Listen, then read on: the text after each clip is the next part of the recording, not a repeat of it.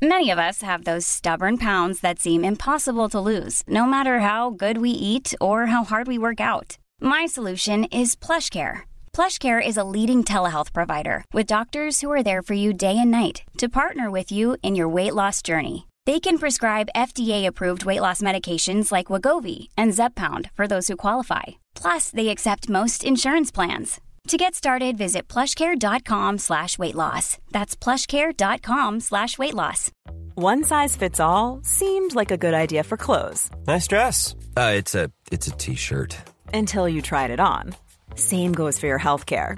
That's why United Healthcare offers a variety of flexible, budget friendly coverage for medical, vision, dental, and more. So, whether you're between jobs, coming off a parent's plan, or even missed open enrollment, you can find the plan that fits you best. Find out more about United Healthcare coverage at uh1.com. That's uh1.com.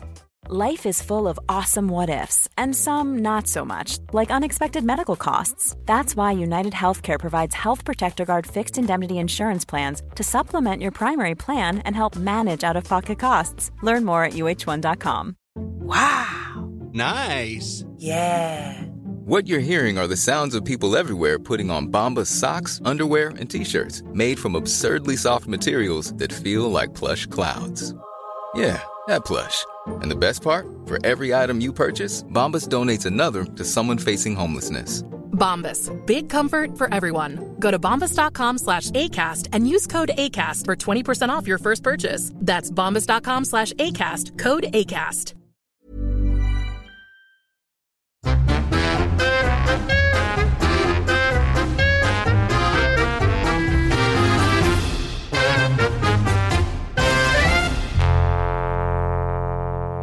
Och välkomna till Kärlekspodden. Den Vad hände kärleken, liksom den kärlek. sen sist? Vet inte. Att vi blev så besatta här av kärlek. Jag försöker liksom spåra bakåt här. Du skickade en podd till mig. Mm, ja, men det, ja, det är klart att det handlar väldigt mycket om att jag grottar runt i eh, beroendeträsket nu. kan man inte säga det så? Beroendefaunan kanske snarare. Du vill hitta en, en orsak till att känna kärlek. Nej men jag, eh, jag jobbar ju med ett litet än så länge hemligt projekt kring beroende förstås. Och då slant, vad, vad säger man, man slant över den här personen som eh, jag ska träffa och som ju då har medverkat i Medberoendepodden. Där jag för övrigt, du har varit med där också va? Mm, har vi båda varit. Den är jättebra tycker jag. Mm, den är svinbra, verkligen. Alltså, hon fortsätter ju så troget också. Jag tycker det är så jävla bra. Hon hade ju med vår älskling, Holy Psychologist. Jag vet, men det känner jag bara avundsjuka över. Mm, bitterheten. Varför hon och inte vi? Hur som helst, Agnes Novak heter hon ju. Eh, hon är terapeut och eh, specialiserad på sex och kärleksmissbruk.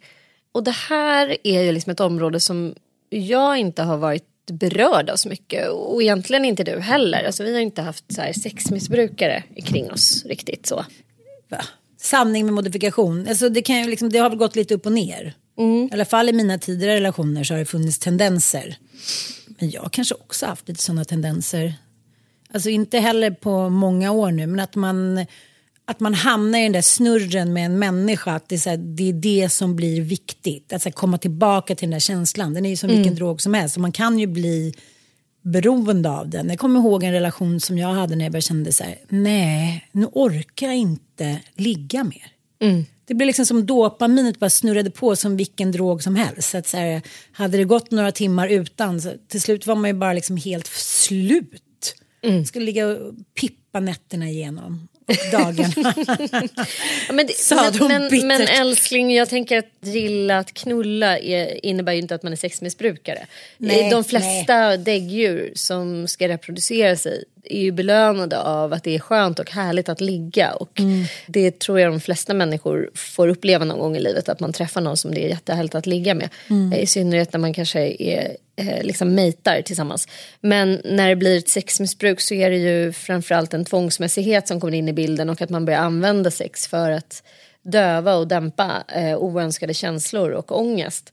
Och det är ju ganska utbrett och det kan jag säga så här, har inte jag riktigt haft i min närhet. Jag har aldrig behövt förhålla mig till det eller känt att jag har velat fördjupa mig kring det. Nej men, det har inte jag heller när du Nej. säger det så. Nej. Alltså du har inte haft någon Man är som så här- nyförälskad och kan inte låta bli varandra. Det är Nej. stor skillnad. Ja, det är stor skillnad. Och, men kärleksmissbruk har jag ju hört nämnas för mig under mina år i terapi. Lite så här, men du kanske borde ta en titt på den här boken. Eller så här. Och jag fick ju då mycket riktigt boken Sund kärlek av Terence Gorski. Som eh, var väldigt ögonöppnande för mig. Liksom. Men jag kände mig aldrig riktigt så här, "Ja, men jag är nog inte kärleks missbrukare. Liksom. Vad är det? Det är inte ens en diagnos. Finns inte inskrivet i DSM-5. Det är väldigt luddigt. Det finns väldigt många definitioner av vad det här skulle vara. Och det finns ju ett tolvstegsprogram som heter SLA, alltså Sex and Love addic- eh, Addictives eller Addicts. Ja, de hamnar liksom på samma eh, kurs, eller jag säga. På Mm. Ja, men de, de får klumpas ihop så här. När det egentligen är två helt Ja, det olika säga. tillstånd. Det är inte ens, de jag känner som har levt med en sexmissbrukare, det känner jag inte liksom i närheten av att vara kärleksmissbrukare. Men istället för att vi ska gå in på att definiera skillnaden mellan ett sex och kärleksmissbruk så tycker jag vi låter eh, den, denna eminenta terapeut Agnes Novak eh, gå igenom det här. Vad skulle du säga är största skillnaden mellan kärleksberoende och medberoende så att säga? Eh, om, om vi bara skulle prata om det där med relationen så är det för en kärleksberoende person inte så viktigt vem personen är. Utan det är relationen som är viktig. Att jag inte är ensam. Hur den andra personen egentligen har det. Det, det är inte det som är det, det viktigaste utan det är att jag inte är övergiven och ensam. Jag måste bara eh, fråga. Och det är väldigt snarlikt medberoende. Det är, det. Jag Det, är liksom, det är så jävla likt Det är otroligt likt. En sak som jag fastnade vid. Mm. Hon sa så här, kärleksmissbrukare kan träffa någon på en dejt Mm. och sen börja fantisera om familj och giftermål och liksom. Hela den grejen kallas ju för romantisering. Alltså att man träffar någon och sen direkt börjar man då romantisera kring framtiden med den här personen. Där man ska liksom bilda familj, man ska stå brud, man ska liksom ha x antal barn tillsammans och vi kommer bo i det här och det här huset. Alltså man skenar iväg i dagdrömmeri som är väldigt självtröstande förstås. Ja, det är ju Mm. det du och jag har gjort hela vårt liv när vi pratar om att vi kan sitta på en soptipp i Sydafrika och säga gud vad mysigt var det här. Här skulle vi kunna leva, verka och bo. Vi har ju också för att i vissa perioder i livet orkat romantiserat vår verklighet. Fast det tror jag är en annan grej. Alltså, det tror jag är över, um, överdriven anpassningsförmåga. Att man liksom lyckas på något sätt eh, normalisera och förhärliga det man är i för att stå ut. Men romantisering handlar ju väldigt mycket om någonting som inte är utan någonting som ligger framåt. Och hon säger ju det att det här är ju någonting som de allra flesta håller på med lite grann. Annars skulle ju alla liksom lämna Ja, och det är, efter det är liksom ingenting konstigt att man drömmer om att bilda familj och vilja ha en, en kärleksrelation. Och liksom, vi pumpas ju också med kulturella budskap hela tiden. Eh, som säger till oss att det här är det mest liksom, värdefulla som finns i en människas liv. Eh, Men Ja. det kan ju vara roligt om man har varit på en dejt, så till exempel om jag skulle ringa dig så säger jag så här, tänkte på det där, vi skulle ändå vara snygga som par. Tänk om vi skulle giftas, typ, jag skulle, vad skulle jag ha för typ, alltså det är tycker jag en annan sak än att så här, jag ska gifta mig, vi kommer ha fyra barn, vi kommer det är svårt att liksom veta vad definitionen ligger och det säger hon också att så här, många kommer till henne och känner sig som fuck-ups och är så här, jag måste ha ADHD, jag måste vara ditten och datten fast de har hamnat i ett kärleksberoende som beror på det som hon också säger, det som så mycket beror på att anknytningen till den biologiska modern har skadats någonstans under tidig ålder. ja. En del av förklaringen såklart. Ja, och till skillnad från andra missbruk, eh, beroenden, kemiska beroenden eller också sexmissbruk som ju ofta handlar om att du skapar förhöjda dopaminnivåer i hjärnan genom att till exempel ligga, äta, träna, alltså om du utvecklar eh, ortorexi när du liksom övertränar. Eller intar substanser, att man tillfälligt liksom höjer dopaminnivåerna. Och det är det man eh, blir beroende av. Det är sjukt bra i Anders Hansens Hjärnan. Det avsnittet om beroende om man nu vill fördjupa sig i liksom signalsubstanser och annat. Men när det gäller kärleksmissbruk och tror jag faktiskt medberoende så är det inte just dopaminet som går igång utan det tros vara liksom oxytocinpåslag. Och att det skulle kunna vara ganska könsbundet till kvinnor. Att Ja. det här är någonting som är väldigt belönande på något sätt för just kvinnor. Och att man därför också kan se en tydlig könsskillnad. Att de flesta män då utvecklar ett sexmissbruk och kvinnor utvecklar kärleksmissbruk. Och det kan ju för, förstås förklaras av, av vår kultur också. Men jag, jag börjar faktiskt tro att det handlar väldigt mycket om, om kemi också. Att man har lite en annan hjärnkemi. Det är spännande att hon är inne på det och vågar säga det för det är lite kontroversiellt att hävda att det här skulle kunna vara liksom könsbundet. Sen tycker jag också att hon säger någonting som jag måste säga att jag kände igen mig som jag tyckte var liksom skrämmande. För det är det som, man kan ju tänka så här, men då är väl inte kärleksmissbruk så jävla farligt. Problemet är ju att eftersom det grundar sig och bottnar i en, någon form av anknytningsstörning så söker man ju inte efter en sund kärlek i det där utan man söker ju efter en rygg. Alltså efter någon som avvisar en, efter någon som inte är känslomässigt tillgänglig, efter någon som inte kommer vilja liksom leva. Du vet hur jobbigt det var för mig att lyssna på den här podden. Nej, men jag vet, det var jobbigt för mig också ska jag säga.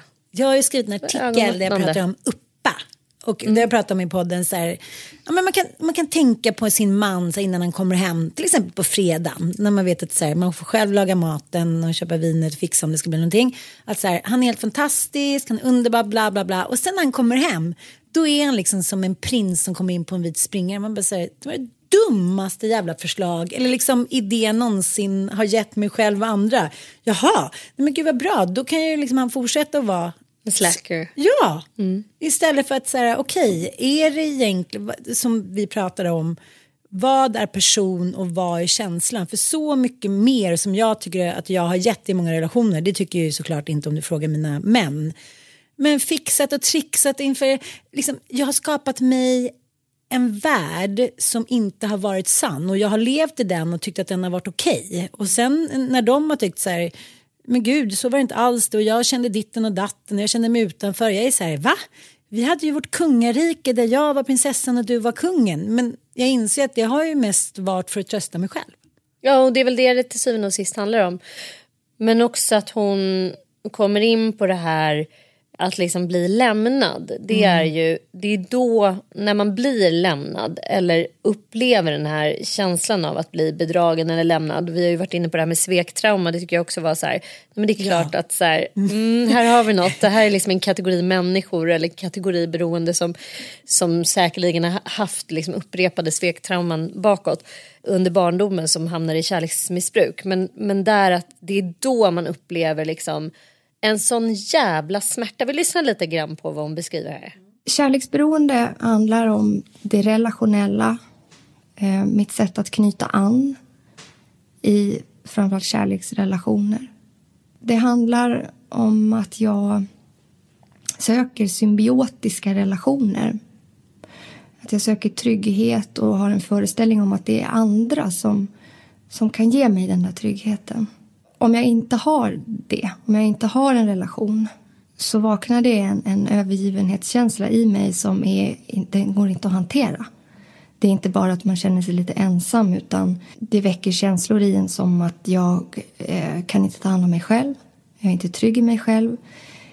Mm, beroende på hur, kanske hur pass allvarligt trauma kring övergivenhet man har eh, så kan det till och med vara så att man känner att livet saknar mening om jag inte har en relation. Apropå det hon säger här så eh, träffade jag en tjej eh, för ett tag sedan. Hon sa det, när min man lämnade mig då fick mina kompisar vara hemma hos mig och vakta mig och mata mig. Jag trodde inte att jag skulle överleva, alltså på riktigt. Jag hade byggt upp mitt liv kring honom i så många år. Han var liksom mitt allt. Han var liksom min förebild, han var min räddare, han var liksom pappan till mina barn. Jag hade ens, aldrig ens kunnat föreställa mig att det här inte skulle pågå för alltid.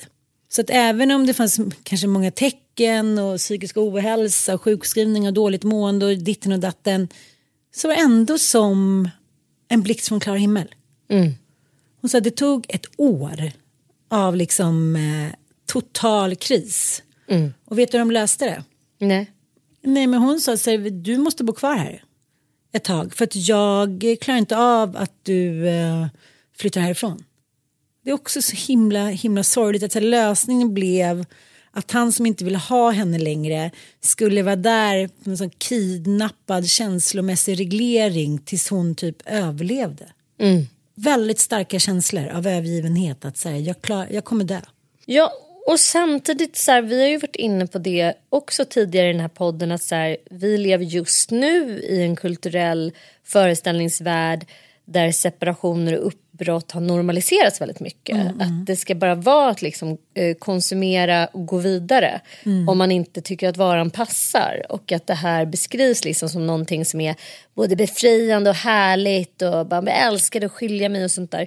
Men det kanske inte är så jävla normtypiskt att älska att skilja sig. Förstår du vad jag menar? Det kanske snarare är ganska normalt att tycka att en separation är pissjobbig.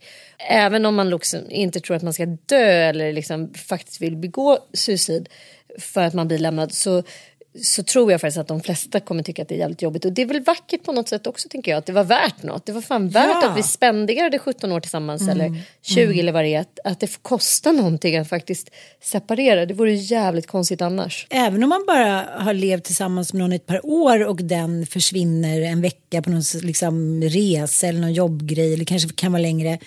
Det är också så, man är ju så van med varandra, man är van vid dofter, man är van vid energier, bra eller dåliga, man är van vid röster, liksom kroppsvätskor, allting som man kanske inte tänker på att man går igenom varje dag med den personen. är ju helt plötsligt borta. Du ska ju nästan sörja den människan som att den är död. Ja, men det är väl här kärleksmissbruket någonstans bottnar. Att man så upprepar vild förälskelse, enormt starka liksom, känslor av passion, romantisering mot personer som inte svarar upp på det här. Alltså mot ryggar avvisande personer, personer som är kärleksundvikande snarare. Alltså de här anknytningsmodellerna liksom. Eh, där man är har man en trygg anknytning, ja, men de människorna verkar ju både tycka att det är hyfsat lätt att skilja sig och de, över, eh, alltså de går oftast inte in i såna här vilda passioner. Nej. Tror jag menar? Alltså så här, många jag som jag känner, jag har ju varit Ja. så här. Jag har ju alltid trott att aldrig- alla har gjort det. Ja, det har jag trott Ja, också. Jag bara, va?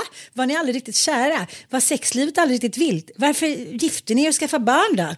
Ja men vadå, det var, jag var ju Men kär. jag blev kär i Ja. honom. Så här. Nej, men jag, jag har också vet. helt bara haft en tanke på att det är så här det är att vara Mm. människa. Då blir man liksom vilt förälskad i någon, upplever stark passion.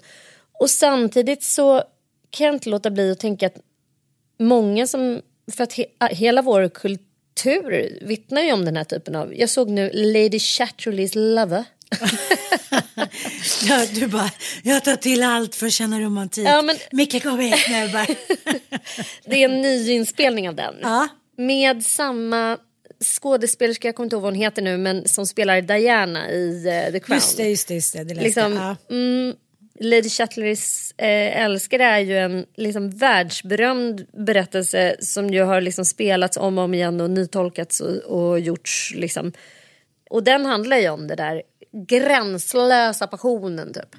Den där passionerade kärleken och, och, och det ser vi ju i nästan varenda serie, i nästan varenda, eller gör man det? Nej, men vi Kanske pratade om det för några längre. avsnitt sen. Att så här, det är det vi inte död. riktigt ser. Det, vi pratade om det i vår andra podd, Fråga Freud. Vi pratade om Anna Karenina-syndromet. Just det. Eh, gå in och lyssna, eh, väldigt spännande.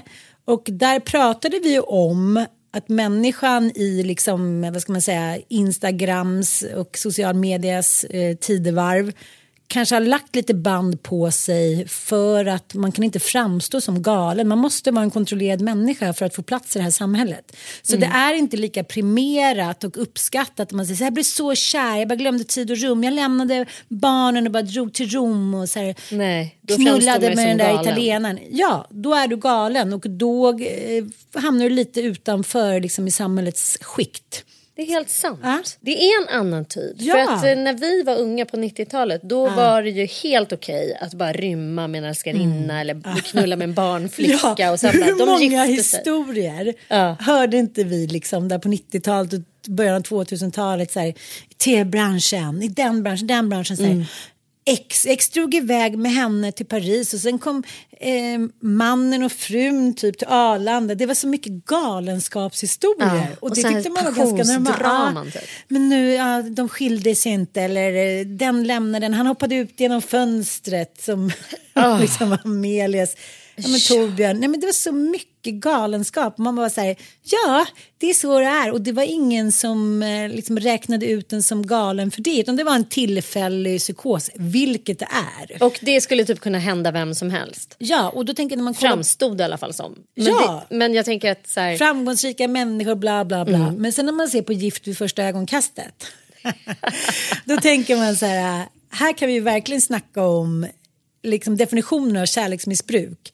Här spelar det ju inte någon roll liksom vem det är. Här är det ju känslan av nu ska jag få det som jag alltid har drömt om. Och sen så det är därför det spelar så extremt stor roll hur attraktiva de här människorna är. För det som hände då med den här Märta, snöptanten som hon framstod som i förra årets avsnitt, det var att hon matchades ihop med en man som var yngre och som inte alls liksom matchade hennes ideal för då hade de gjort en liten tokis att säga nej vi testar med något helt annat. Och alla dessa liksom föreställningar om vad man då ska få se under den här dejten och så blir det något helt annat. Det går ju inte att reparera. gjorde det inte det? Nej det gick inte. Vad hände då? Nej, han blev liksom så osäker och hon blev bara mer och mer aggressiv och irriterad som man blir när man är med någon som man så här, antingen eh, inte är kär i längre eller också aldrig ens har varit attraherad av. Nej, men hon byggde ju kuddbarriärer och hon var ju så öppet riktigt vidrig mot honom. Nej. Jo. Och han blev bara så mer och mer vinklippt och stammandes. Och, Nej, vad hemskt. Vad elakt av det SVT var att göra så. Ja, det var jättehemskt. Ja. Och jag kan också tycka Socialt det... experiment som jag bara känner är så ganska over the Jo, men det är ju samma sak. Liksom, ofta har, nästan varje säsong så har det varit en kvinna som har varit sjuk. Och som precis har kommit ut då. Liksom, ja, men allt från hjärtattacker till cancer, bla bla bla. Och sen så förväntas då männen att så här, rädda de här kvinnorna. Som är helt liksom, själsliga vrak. Och så är det ju samma sak nu. Det är en tjej som eh, har varit sjuk och eh, inte vet om hon kommer kunna skaffa biologiska barn. Så första natten då eh, efter bröllopet så ligger de och pratar och eh, hennes kille är så här, ja, hennes man då eh, återkommer till sig, ja nu har verkligen klockan är slagen typ. Jag längtar så efter mina biologiska barn och ditten och datten och där sitter hon och då kommer vi direkt till det så här, okej, kasta tillbaka oss bara, 50 år i tiden. Ah. Och jag är en dålig, liksom, då är man en dålig kvinna. Hon bara, jag vet inte ens om jag kan få biologiska barn. Hur taskigt är inte det sociala experimentet då? Men, men gud vad sjukt. För vad ond han blir då om han säger så här. Jaha, nej men oj vad konstigt. Så här, jag vill verkligen ha egna barn och sådär. Och så sitter de jävla terapeuterna och bara. Man kan skaffa barn på många sätt nu. Så det är ingen fara. Men tänk dig själv när du träffade din första man och sen så första natten skulle han säga så här. Vet du en sak, jag ska bara säga så här, jag har knipsat mig. Om du vill ha barn så säger tough luck. Sorry typ. Ja, Du skulle ju bara säga schappa som en avlöning. Förmodligen. ja kanske. Jag vet inte. Nej men jag menar bara så här, det är ett sånt ställningstagande när man är med i en sån serie som går ut på att man ska gifta sig och skaffa barn för man har misslyckats med alla sina kärleksrelationer tidigare. Och Ja. så kommer det liksom första natten. Det, och så ska man så här, börja liksom försvara sig med olika så här, regnbågsfamiljsreferenser. Det är kanske inte är det första man tänker på. Nej, men det är också Då kanske här- vi kan skaffa någon i Ukraina som kan... För, alltså, Nej. It's not fair. Nej. men det blev väl ingenting där då heller? Nej, men det dem? vet vi inte. Nej, nej, det pågår. Jag är inte alls insatt i den här serien men jag fick höra, för jag lyssnade på Amy och Fannas eh, podd. Och då fick jag höra ett utdrag, de pratade om incels och det har ju vi tjatat om här mycket. Men eh, det har kommit någon ny artikelserie i Aftonbladet om incels. Det här verkar ju vara liksom någonting som aldrig, eh, aldrig eh, Om slutar kvinnliga att liksom- incels har de ju också tagit upp nu. Ja, men, nu, och- men det här var om manliga och det var någon, här, någon som forskade på manlig sexlöshet, så jävla sjukt, som uttalade sig om det.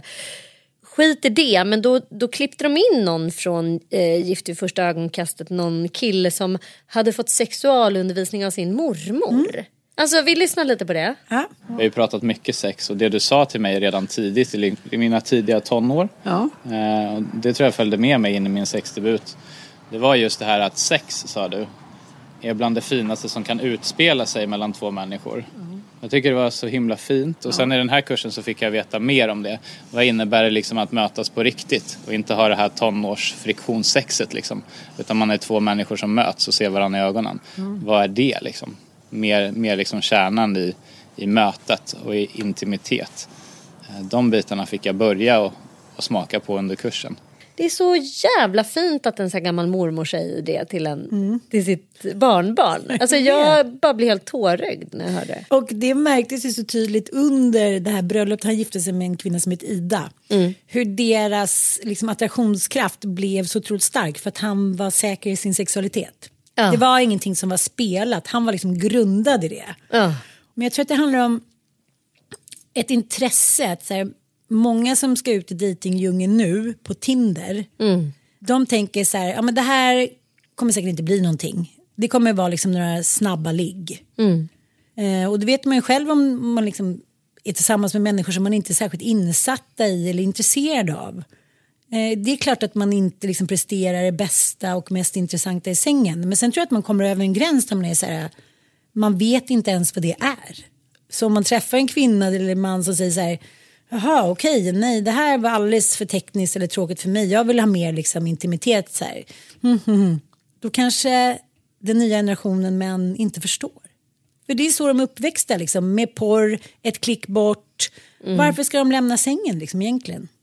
Hela vårt samhälle håller ju på att slö, bli slöifierat på grund av det såklart. Ja, men också att man missar ganska mycket. Att vi, vi eh, tänker att sex... Alltså, jag, jag gillar ju att göra den här skillnaden på oxytocinsex och liksom dopaminsex. Att mm det är ju två helt olika akter. Eh, d- d- dopaminsexet kräver ju liksom egentligen ingen mottagare. Det kräver ingen intimitet. Det är ju en teknisk akt. Och så kan man ju liksom addera massa spänning till den för att förstärka dopaminpåslaget. Och liksom adrenalin och annat. Så här. Ett one night stand med någon som liksom eh, gör någonting oförutsägbart. Eh, Lex typ, Michael Hutchins. Paolo Roberto. Nej men liksom, Nej, men jag du fattar. fattar grejen. Det är Ja. så lite hemligt, det är någon liten strypsexdetalj, Mm. det är någon liten BDSM-grej. Eh, det, blir som, det blir väldigt hög, eh, högt dopamin. Men oxytocinsexet handlar ju om närhet, Mm. eh, intimitet, att skapa starka band mellan varandra. Någon form av eh, kärlek som man bygger upp och kommer närmre varandra Mm. med. Och eh, det är väl kul att få uppleva båda typerna av sex Ja. tänker jag under ett liv när man ändå blir 70 år gammal. Att man liksom kan, ja men det, det har varit liksom båda typer här. Ja men eh, apropå då eh, olika eh, referenser då, sexreferenser så pratade vi om eh, att din liksom, karriär inom BDSM-världen inte var så lång. Nej exakt. Och det berodde på att du kände att det var lite för mycket liksom, maskerad för dig. Ah, Det berodde på mycket annat också. Men eh, hur som helst så har vi fått ett läsarbrev som eh, Vill dementera, hon menar att jag ljuger den här människan. Ja, precis. Nej, hon, menar, hon menar att du har missförstått Ja. hela den här rörelsen. Hon skriver så här, hej Ann och Sanna. Eh, Sanna har fel.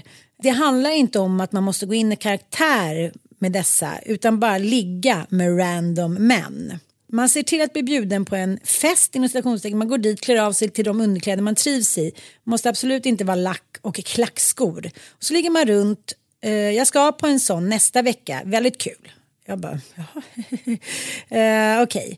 Männen är typ sexproffs och gifta med mera. Noll blir ihop och noll jävla känslor, något jävla mässande. Väldigt affärsmässigt och noll svartsjuka. Folk som gör sig lustiga över sexklubb och BDSM på grund av att alla ska vara utklädda och någon trumpet i rumpan har aldrig gått på såna. trumpet i rumpan, nu när du säger det. Eh, de missar något. Festerna är fulla av snygga forskare och akademiker. Noll trams, ingen maskerad alls. Ja, men jag, då vill jag säga så här. Det är säkert att du, kära lyssnare, eh, har helt rätt. Det finns ju säkert olika typer av eh, BDSM-klubbar och olika sammanhang förstås. Och just de två festerna som jag var på hade ju tema och då gick det ju ut på att man skulle komma i, på det temat, alltså utklädd ja. eller vad man ska säga. Man skulle liksom klä sig. Och hela BDSM-världen handlar ju om, väldigt mycket om lack och läder och att eh, fetischer är liksom mm. varmt välkomna så jag håller inte riktigt med. Så pass bra insikt har jag själv i den där världen. Kommer att det fram? visst handlar om till viss del att man får klä sig och det tror jag kan vara, ha massa funktioner. Att man slipper det där som hon säger, noll känslor, alltså noll intimitet. Att det handlar just om det här dopaminsexet kanske, enkom där. Det handlar ju noll procent om tantra och att skapa liksom fördjupad relation. Mm. Utan mer om spänning, mer om så fysisk upplevelse av sex tror jag. Om jag nu får liksom grovt generalisera. Jag är nog mycket mer åt intimitetshållet. Alltså jag är en oxytocinknarkare. Jag, det är därför jag är medberoende. Inte så... This is Paige, the co-host of Giggly Squad. And I want to tell you about a company that I've been loving, Olive and June. Olive and June gives you everything that you need for a salon quality manicure in one box. And if you break it down, it really comes out to $2 a manicure, which is absolutely insane. It's also so easy to get salon worthy nails at home with Olive and June. The difference between how your nails used to look when you did them yourself and now with the Manny system is a complete game changer. The best thing about Olive and June too is it's a quick dry, dries in about one minute, lasts for five days, and full coverage in up to one to two coats. Visit oliveandjune.com slash perfect Manny 20 for 20% off your first system. That's oliveandjune.com slash perfect Manny 20 for 20% off your first system. Hey, I'm Ryan Reynolds. At Mint Mobile, we like to do the opposite of what Big Wireless does. They charge you a lot, we charge you a little. So naturally, when they announced they'd be raising their prices due to inflation, we decided to deflate our prices due to not hating you. That's right. We're cutting the price of Mint Unlimited from $30 a month to just $15 a month. Give it a try at mintmobile.com slash switch. $45 upfront for three months plus taxes and fees. Promo for new customers for limited time. Unlimited more than 40 gigabytes per month. Slows. Full terms at mintmobile.com. Hey, it's Ryan Reynolds, and I'm here with Keith, co star of my upcoming film, If, only in theaters, May 17th. Do you want to tell people the big news? All right, I'll do it. Sign up now and you'll get unlimited for $15 a month in six months of Paramount Plus Essential Plan on us. Mintmobile.com slash switch. Upfront payment of $45 equivalent to $15 per month. Unlimited over 40 gigabytes per month. Face lower speeds. Videos at 480p. Active Mint customers by 531.24 get six months of Paramount Plus Essential Plan. Auto renews after six months. Offer ends May 31st, 2024. Separate Paramount Plus registration required. Terms and conditions apply if rated PG. There's never been a faster or easier way to start your weight loss journey than with plush care PlushCare accepts most insurance plans and gives you online access to board-certified physicians who can prescribe FDA-approved weight loss medications like Wigovi and Zepbound for those who qualify. Take charge of your health and speak with a board-certified physician about a weight loss plan that's right for you. Get started today at plushcare.com slash weight loss. That's plushcare.com slash weight loss. plushcare.com slash weight loss. Jag är, jag är liksom sex, jag är kärleksmissbrukare, inte sexberoende och jag är medberoende. Men också så tycker jag också att hon, Agnes Novak i Medberoendepodden gör en bra definition av vad som är skillnaden. Och då säger hon ju om man är kärleksmissbrukare då är man besatt av och tvångsmässigt besatt av relationen, inte personen. Ja. Och är man medberoende då är man känslomässigt besatt av personen i sig och den personens agerande och försöker kontrollera den personen. Och, och då kan man ju liksom eh, vara medberoende till en mamma eller till en syrra eller till en kompis. Eller, alltså det blir ju ett mycket Mm. vidare begrepp. Men där tycker jag liksom att det är en bra, bra sån. Och för mig så är det nog att jag har ett blandmissbruk där. Jag tänkte väl säga, jag har nog också väldigt kraftigt blandmissbruk. Men ibland har jag tänkt så här, jag tror inte jag är medberoende förresten, för jag blir bara medberoende till karar typ. Nej. Aha, men sen bara tänkte jag till lite extra. Nej, men jag, jag känner verkligen det är ett blandmissbruk för både dig och mig. För att det, Mm. Jag tror att det handlar lite om så här, typen av män också. Jag pratade med en väldigt spännande man häromdagen och vi pratade om just den här ADHD-genen. Att ehm, kvinnor som har den, nämner inga namn, eh, de kan verkligen leva i, eh, i medberoende relationer och liksom hamna i dyst och hit och dit. Men sen när det går över gränsen så lämnar de. Då känner de bara så här, nej, nu, nu, liksom, nu måste jag gå från Afrika till Asien. För nu måste jag liksom gå över berget och eh, hitta en ny kar. Som jag kan fortplanta mig med så att det här inte dör ut. Hur menade han att ADHD-män då skulle bete sig mer? Är det så här att man är...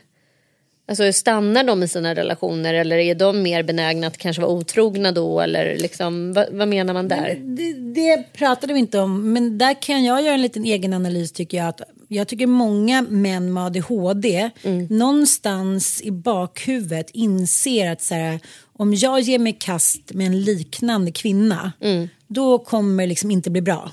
Då kommer inte jag kunna så här, jobba särskilt mycket, det kommer bli rörigt, jag måste kanske hjälpa till och ta hand om hem och bla bla bla. Så jag tycker att om jag gör en liksom snabb halvskarp analys av alla människor jag känner så tycker jag att förvånansvärt ofta så ser jag eh, ADHD-männen med superstruckade kvinnor. Och då menar jag på ett sätt som så här liksom inte många kvinnor är. Det är ordning och reda, eh, liksom man har möten. De vet att så här, om de bara är så här, happy wife, happy life och de vet det, de ögonkänner det så otroligt tydligt. Jag tror att det är många människor, liksom, män i högre samhällsskikt som, eh, in, ja, som förstår, liksom räknar ut det att så här, det kan inte vara galenskap för då, då kommer jag puttas ner från min täppa, hierarkiska täppa. Spännande. Ja, mycket tänk- analyser idag. Ja. Mycket analyser. Mycket också så här, har du någon källa på det? Absolut, mig själv. Absolut. mig själv. Mig själv. Nej, men jag tycker också att eh, jag, min lilla amatörpsykologiska analys som har 0% källa det är också att personer som har ADHD-drag ofta dras till personer som har lite Autistiska. autistiska, drag. Alltså s- autismspektradrag, Asperger. Att liksom den kombon berikar ju Super. varandra. Alltså någon har ett behov av struktur, av ordning, får ångest av liksom sociala sammanhang. Och sen hittar man ändå en, en person som kan komplettera en där. Alltså, d- där tycker jag man ser, både i vänskapsrelationer, att säga, men gud varför är hon kompis med henne? Det är så otippad vänskap så jag, kan liksom inte fatta det. Otippad Nej, men den otippade vänskapen. Men även i kärleksrelationer också. Att det är så här, oj, han som är så liksom het, outspoken och så här. Så är han ihop med någon som är kanske väldigt introvert och så här hemma, hemmaälskande, struckad person.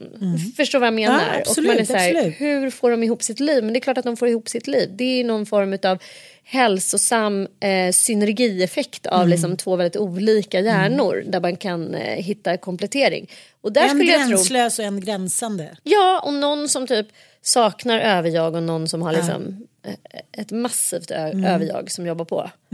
Det är spännande. Men där också att så här, det behöver inte betyda att man har osund kärlek. Nej. Och det tycker jag också att Agnes eh, säger i podden här, någonting spännande. Hälsosam kärlek. Och så använder hon Världshälsoorganisationens definition av hälsa och att det är liksom så man ska tänka i när det gäller alla relationer egentligen. Att relationer ska liksom bidra till hälsa. Och det tycker jag det var lärorikt vid 44 års ålder.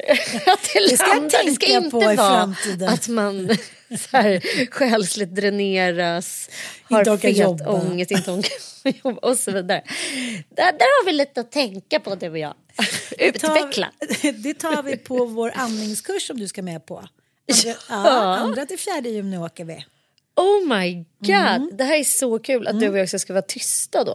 Nej, där ska vi inte vara tysta Åh, tur. Det hade inte gått bra. Jag kände mig direkt att så här, jag kommer vara ett sånt fail på en sån kurs tillsammans med just Nej, dig. men, men vet du, jag kände också så här att vi kanske inte ska vara tysta. Det kanske inte måste... Det kanske inte är vår grej. Nej, men jag tänker så här, allting eh, kanske inte passar än. Och jag blev så befriad när David Lagercrantz sa det i en Mm. intervju, jag tror det var med tidningen Läs. Han var så här, ja, jag har testat yoga, jag har testat att meditera och hit och dit. Men nej, det enda som funkar är stenhård jävla träning. Mm. Det är det enda som liksom relalisar min ångest. Mm. Och jag tycker det, eh, ja. Men de har väl ändå konstaterat det att för många som har neuropsykiatriska funktionsvariationer, framförallt ADHD, så är ju så här mindfulness är liksom som att plåga sådana människor.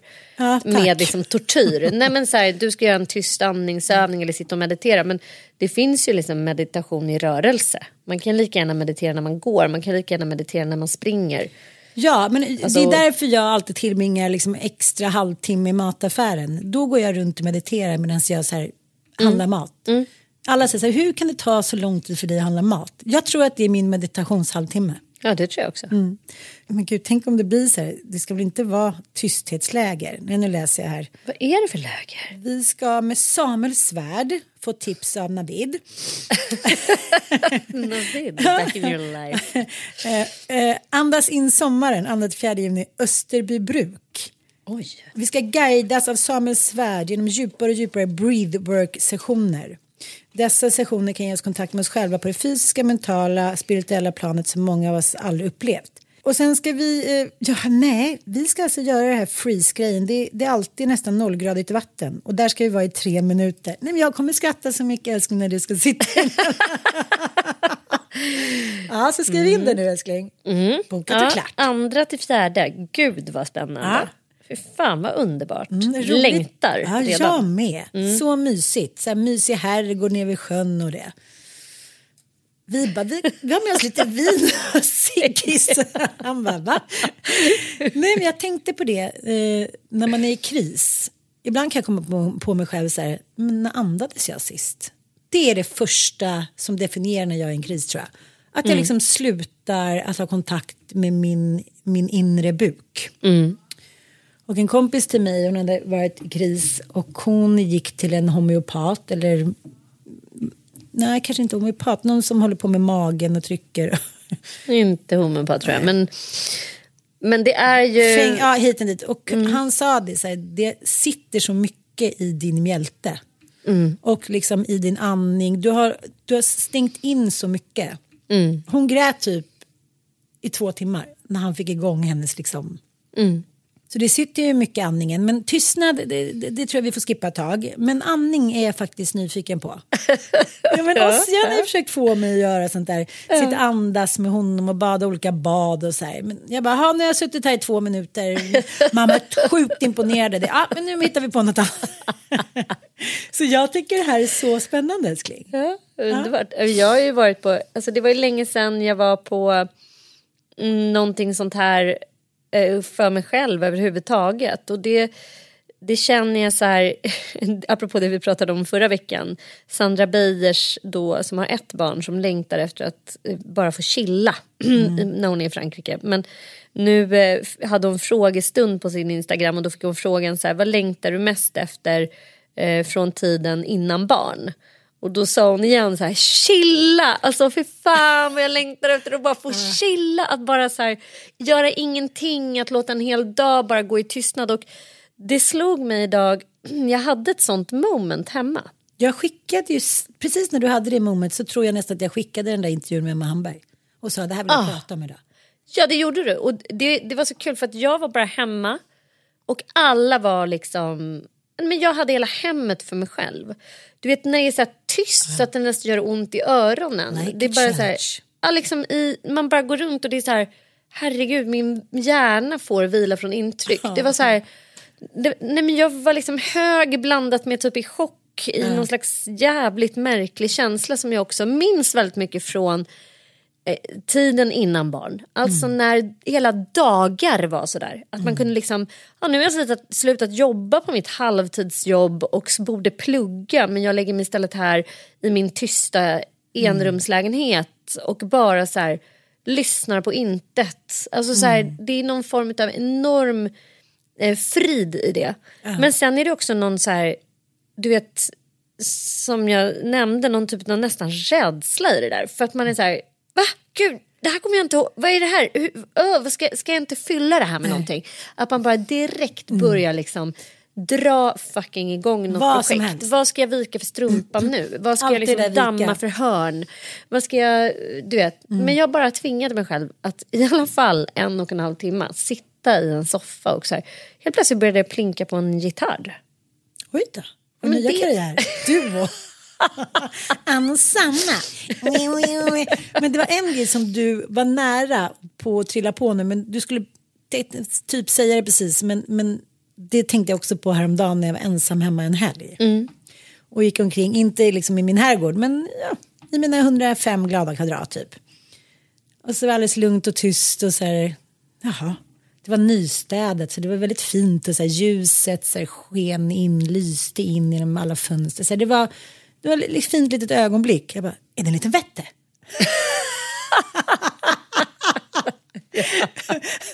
Nej, men att man tror att man har blivit galen. Man var så här, lite snabbt så här, vad var det där? Vad var det där? Nej, är det någon som pratar med mig nu? Att det, är så här, det är så ovanligt för mig att bara umgås med mig själv. Att jag tänker så här, nu, nu har jag blivit galen. Det kallas liksom- psykos älskling.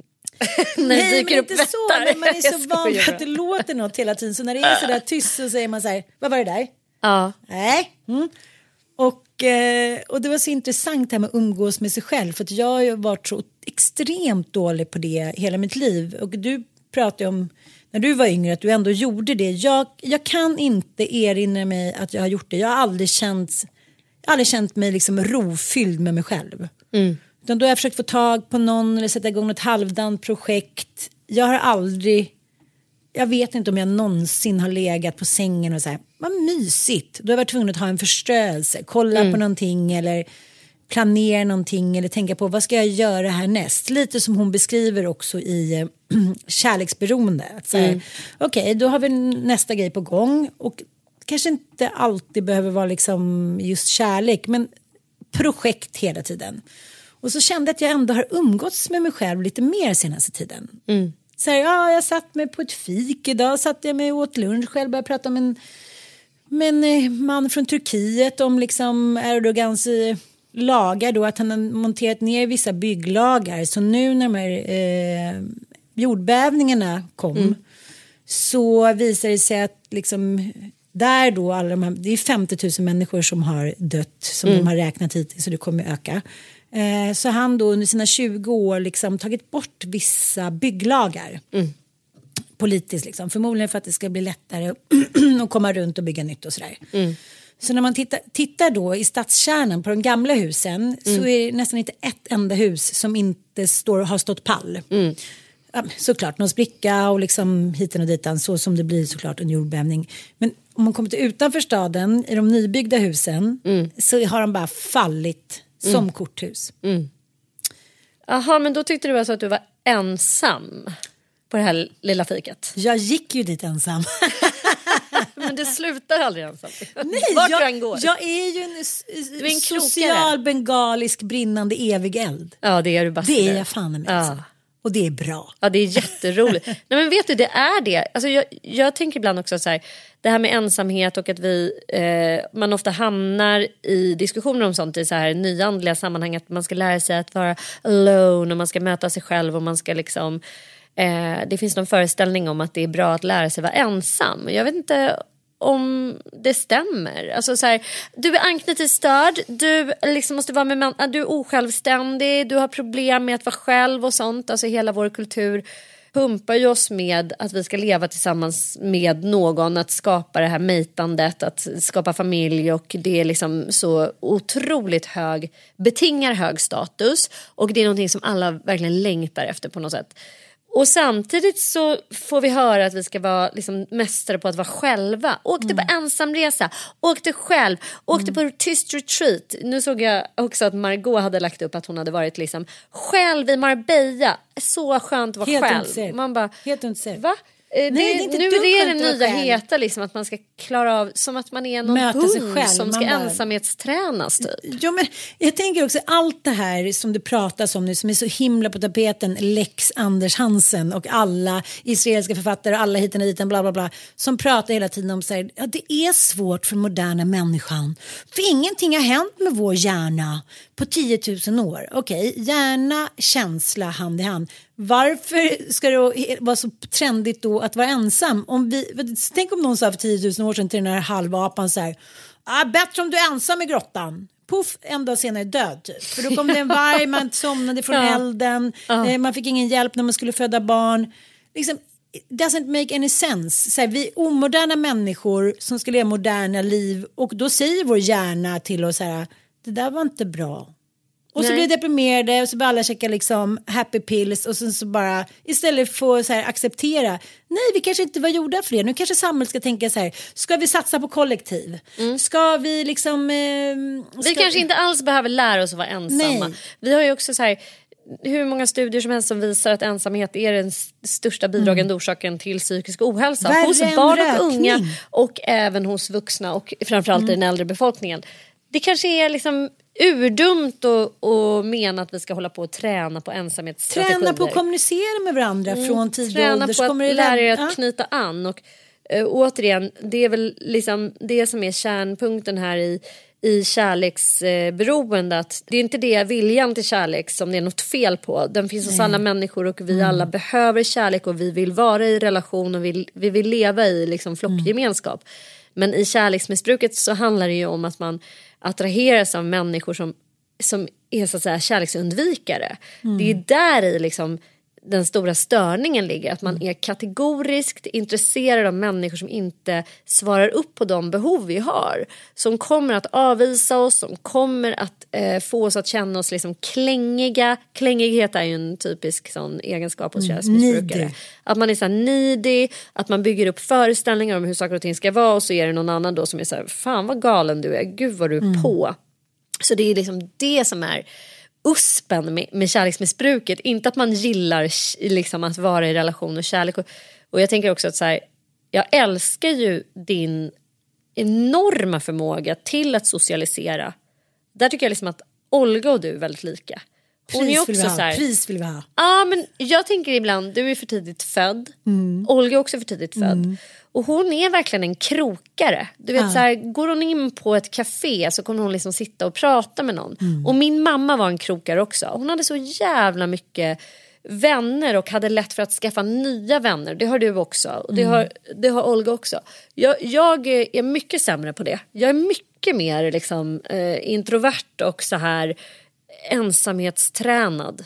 Alltså Mm. att jag kan så här, nöja mig med att på riktigt vara i Indien i två veckor utan att träffa en enda käft. Jag kan ju må bra av det liksom. Jag är lite mer som Sandra Beijer där. Jag vill då, chilla ska, i alltså, då ska jag skicka iväg dig två veckor så ska jag se när du ringer. Jag ringer där. Kom hit. Jag har tråkigt nu. Nej, men vi kompletterar väl varandra Ja. och det är väl jävligt bra det. Så att inte Så att jag tycker... världen bara består av samma människor. Så egentligen handlar det just om det där. Men det som är problemet som man, ska liksom, som man inte ska falla i samma grupp igen. Det är ju att de här känslomässigt otillgängliga människorna är ju otroligt tillgängliga under jakten och erövrandet och första passionerande knarktiden. Liksom. Sen, jag kommer ihåg det mitt ex, jag var så här, det har gått ett och ett halvt år och det var verkligen, jag bara kom ihåg den dagen det hände, det var i Cassis i Frankrike. Och jag kommer ihåg att vi hade varit ute på klipporna där och där hade vi varit liksom sommaren innan och jag kommer ihåg det var som en film, det var som en dröm liksom. och helt plötsligt så låg jag där bredvid honom på den här klippan och kände så här nej men han kunde lika gärna ha varit här med Bettan Eriksson eller så här Madame Couscateur. Jag var så här, jag var nedputtad från hans liksom tron. Piedestal, ja. Mm. Och vet du vad jag tror det berodde på? Nej. Vi, eh, den veckan så, pratade om, så sa jag att jag ville att vi skulle börja skaffa barn. Han skär, Ja. Skär, ja. Ja. Då var, liksom, då var Då jag skapar du inte rädsla i honom. Och så- sexgudinna, då ville jag fånga honom, jag ville Mm. liksom begränsa honom, han blev livrädd, sin egen liksom faders relation. Alla hans triggers kom upp till ytan, förmodligen utan att han tänkte på det. Mm. För jag kommer ihåg den kvällen vi bodde på något eh, sjavigt hotell, det var så här diskotek. Och jag kommer ihåg att vi, jag var så här, gud jag har ägglossning nu, så här, vi måste göra det. Och så låg vi då och sen kände hela den där semestern så här, vi, var, vi, vi liksom, körde runt i en bil i typ en månad eh, i Europa och jag bara kände hela tiden så här jag kommer ihåg den ångesten. Jag var så här, gud det måste vara någonting, gud jag måste ha ägglossning, åh det måste vara hiten och ditan. Jag kände hur den där ångest, det svarta hålet. Att jag var så här, vad hände nu? Vad hände med liksom, det starka ljuset som var på oss? Det är liksom, det, nu är det inte samma. Nej. Ja, det, är, det är alltså, sjukt spännande. Och eh, jag bara tänker för er som lyssnar på oss. Det är ju många av er som lyssnar på oss för att vi har uppmärksammat medberoende och anhörigskap och liksom dysfunktionella relationer och så. Och eh, jag, eh, jag varmt rekommenderar den här podden, Medberoendepodden med Agnes Novak. För det här är så här det här är ett sätt om, om man liksom känner sig så här, "Ah, men jag är nog medberoende. Eh, men sen så kommer man på längs resans gång att så här, Nej, men jag, jag känner mig ändå inte riktigt liksom. Det är någonting annat. För det, här, det här eh, har jag uppmärksammat under mina liksom 15 år i tillfrisknande. Att det är ganska många, jag ska säga så här, en tredjedel av alla som har eh, medberoende problematik har också substansrelaterad problematik eller ätstörning. Alltså att man använder olika strategier för självtröst. Men medberoende kanske är liksom kärnproblematiken. Men nu har jag faktiskt på senare tid träffat väldigt många som har eh, kärleksmissbruk.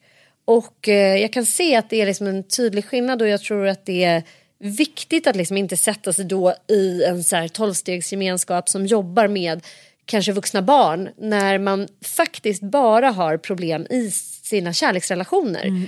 Att det liksom inte är så att du har ett utbrett medberoende beteende i nästan alla dina mellanmänskliga relationer. Att du går igång på så att säga att vara hjälpare, räddare, eh, frälsare typ. Utan det är just i kärleksrelationen och att du går in i det här klassiska romantiserandet och tvångsmässiga liksom förälskelsen. Lite. Så att eh, lyssna på det och ja, det här fick väl bli dagens podd tänker jag. Liten avslutning till ett par som jag tycker har lyckats. Ja. För vi vill ju ändå avsluta med så en, en vision, en, en, ett tro, hopp och kärleksbudskap. Verkligen. Samtidigt som jag tycker det var väldigt kul att du i, i, innan vi tryckte här på räck så sa du liksom att du var jävligt misogyn mot just det här paret också. Tycker jag var ärligt av dig. Inte kanske just mot det paret, men par som verkar lyckats. Eh, nej, men eh, det är ju Nor och Schyffert. Henrik Schyffert och Nor El Refai. Då gick jag in på deras... Liksom, Så jävla kära är de. Ja, men så jävla, de har ändå varit ihop nu i tio år. Det, är liksom, det är inte kattskit. Nej. Det är inte liksom kattguld heller, men det är... Ja.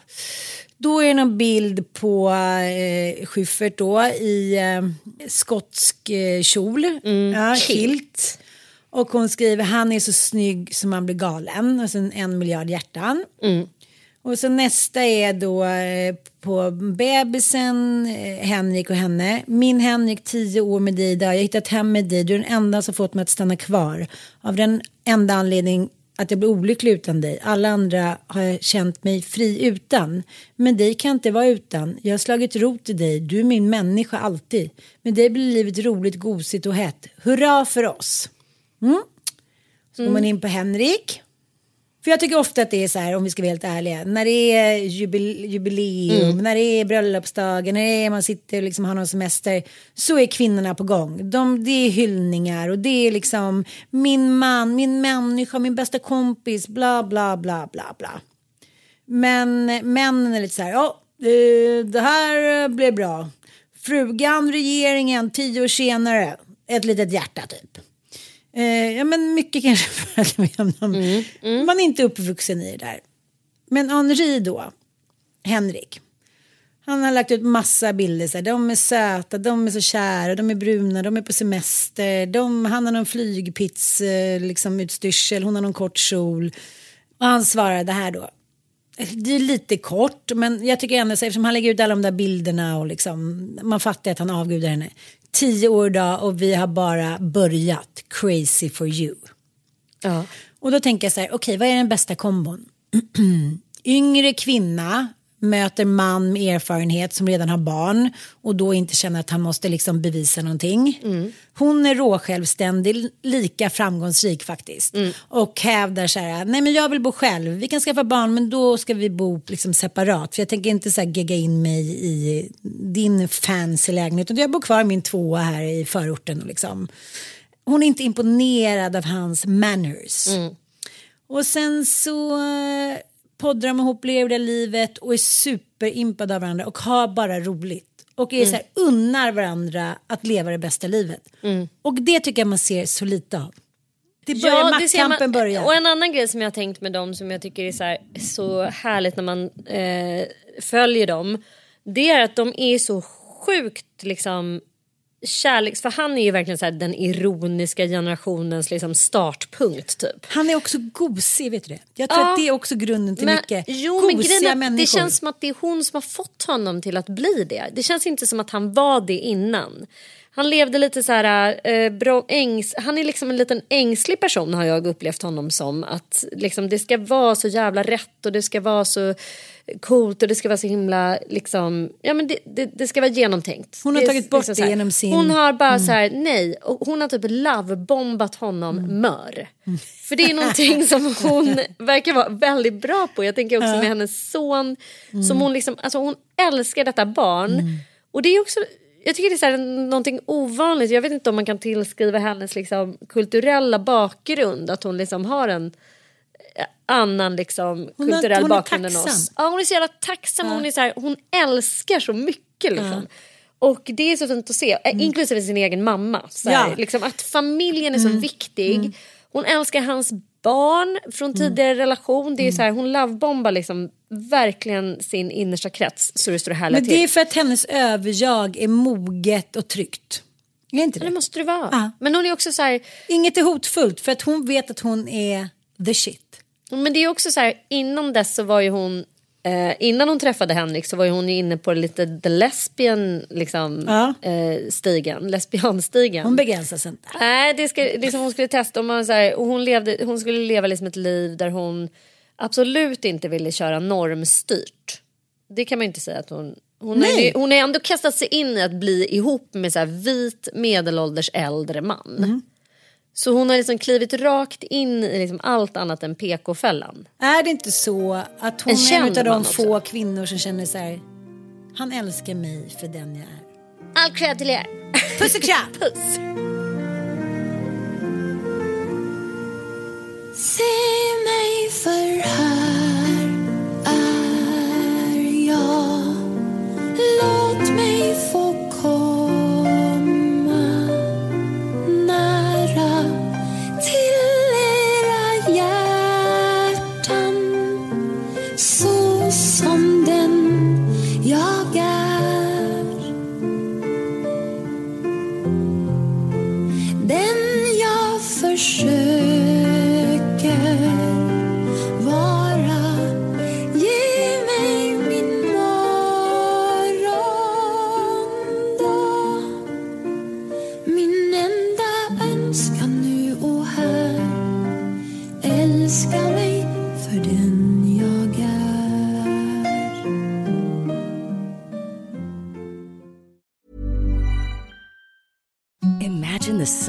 sheets you've ever felt. Now imagine them getting even softer over time. That's what you'll feel with Bowl and Branch's organic cotton sheets. In a recent customer survey, 96% replied that Bowl and Branch sheets get softer with every wash. Start getting your best night's sleep in these sheets that get softer and softer for years to come. Try their sheets with a 30-night guarantee. Plus, get 15% off your first order at bowlandbranch.com. Code BUTTERY. Exclusions apply. See site for details. Mom deserves the best, and there's no better place to shop for Mother's Day than Whole Foods Market. They're your destination for unbeatable savings, from premium gifts to show-stopping flowers and irresistible desserts. Start by saving 33% with Prime on all body care and candles. Then get a 15-stem bunch of tulips for just $9.99 each with Prime. Round out Mom's menu with festive rosé, irresistible berry chantilly cake, and more special treats. Come celebrate Mother's Day at Whole Foods Market. Hi, I'm Daniel, founder of Pretty Litter. Cats and cat owners deserve better than any old fashioned litter. That's why I teamed up with scientists and veterinarians to create Pretty Litter. Its innovative crystal formula has superior odor control and weighs up to 80% less than clay litter. Pretty Litter even monitors health by changing colors to help detect early signs of potential illness. It's the world's smartest kitty litter. Go to prettylitter.com and use code ACAST for 20% off your first order and a free cat toy. Terms and conditions apply. See site for details.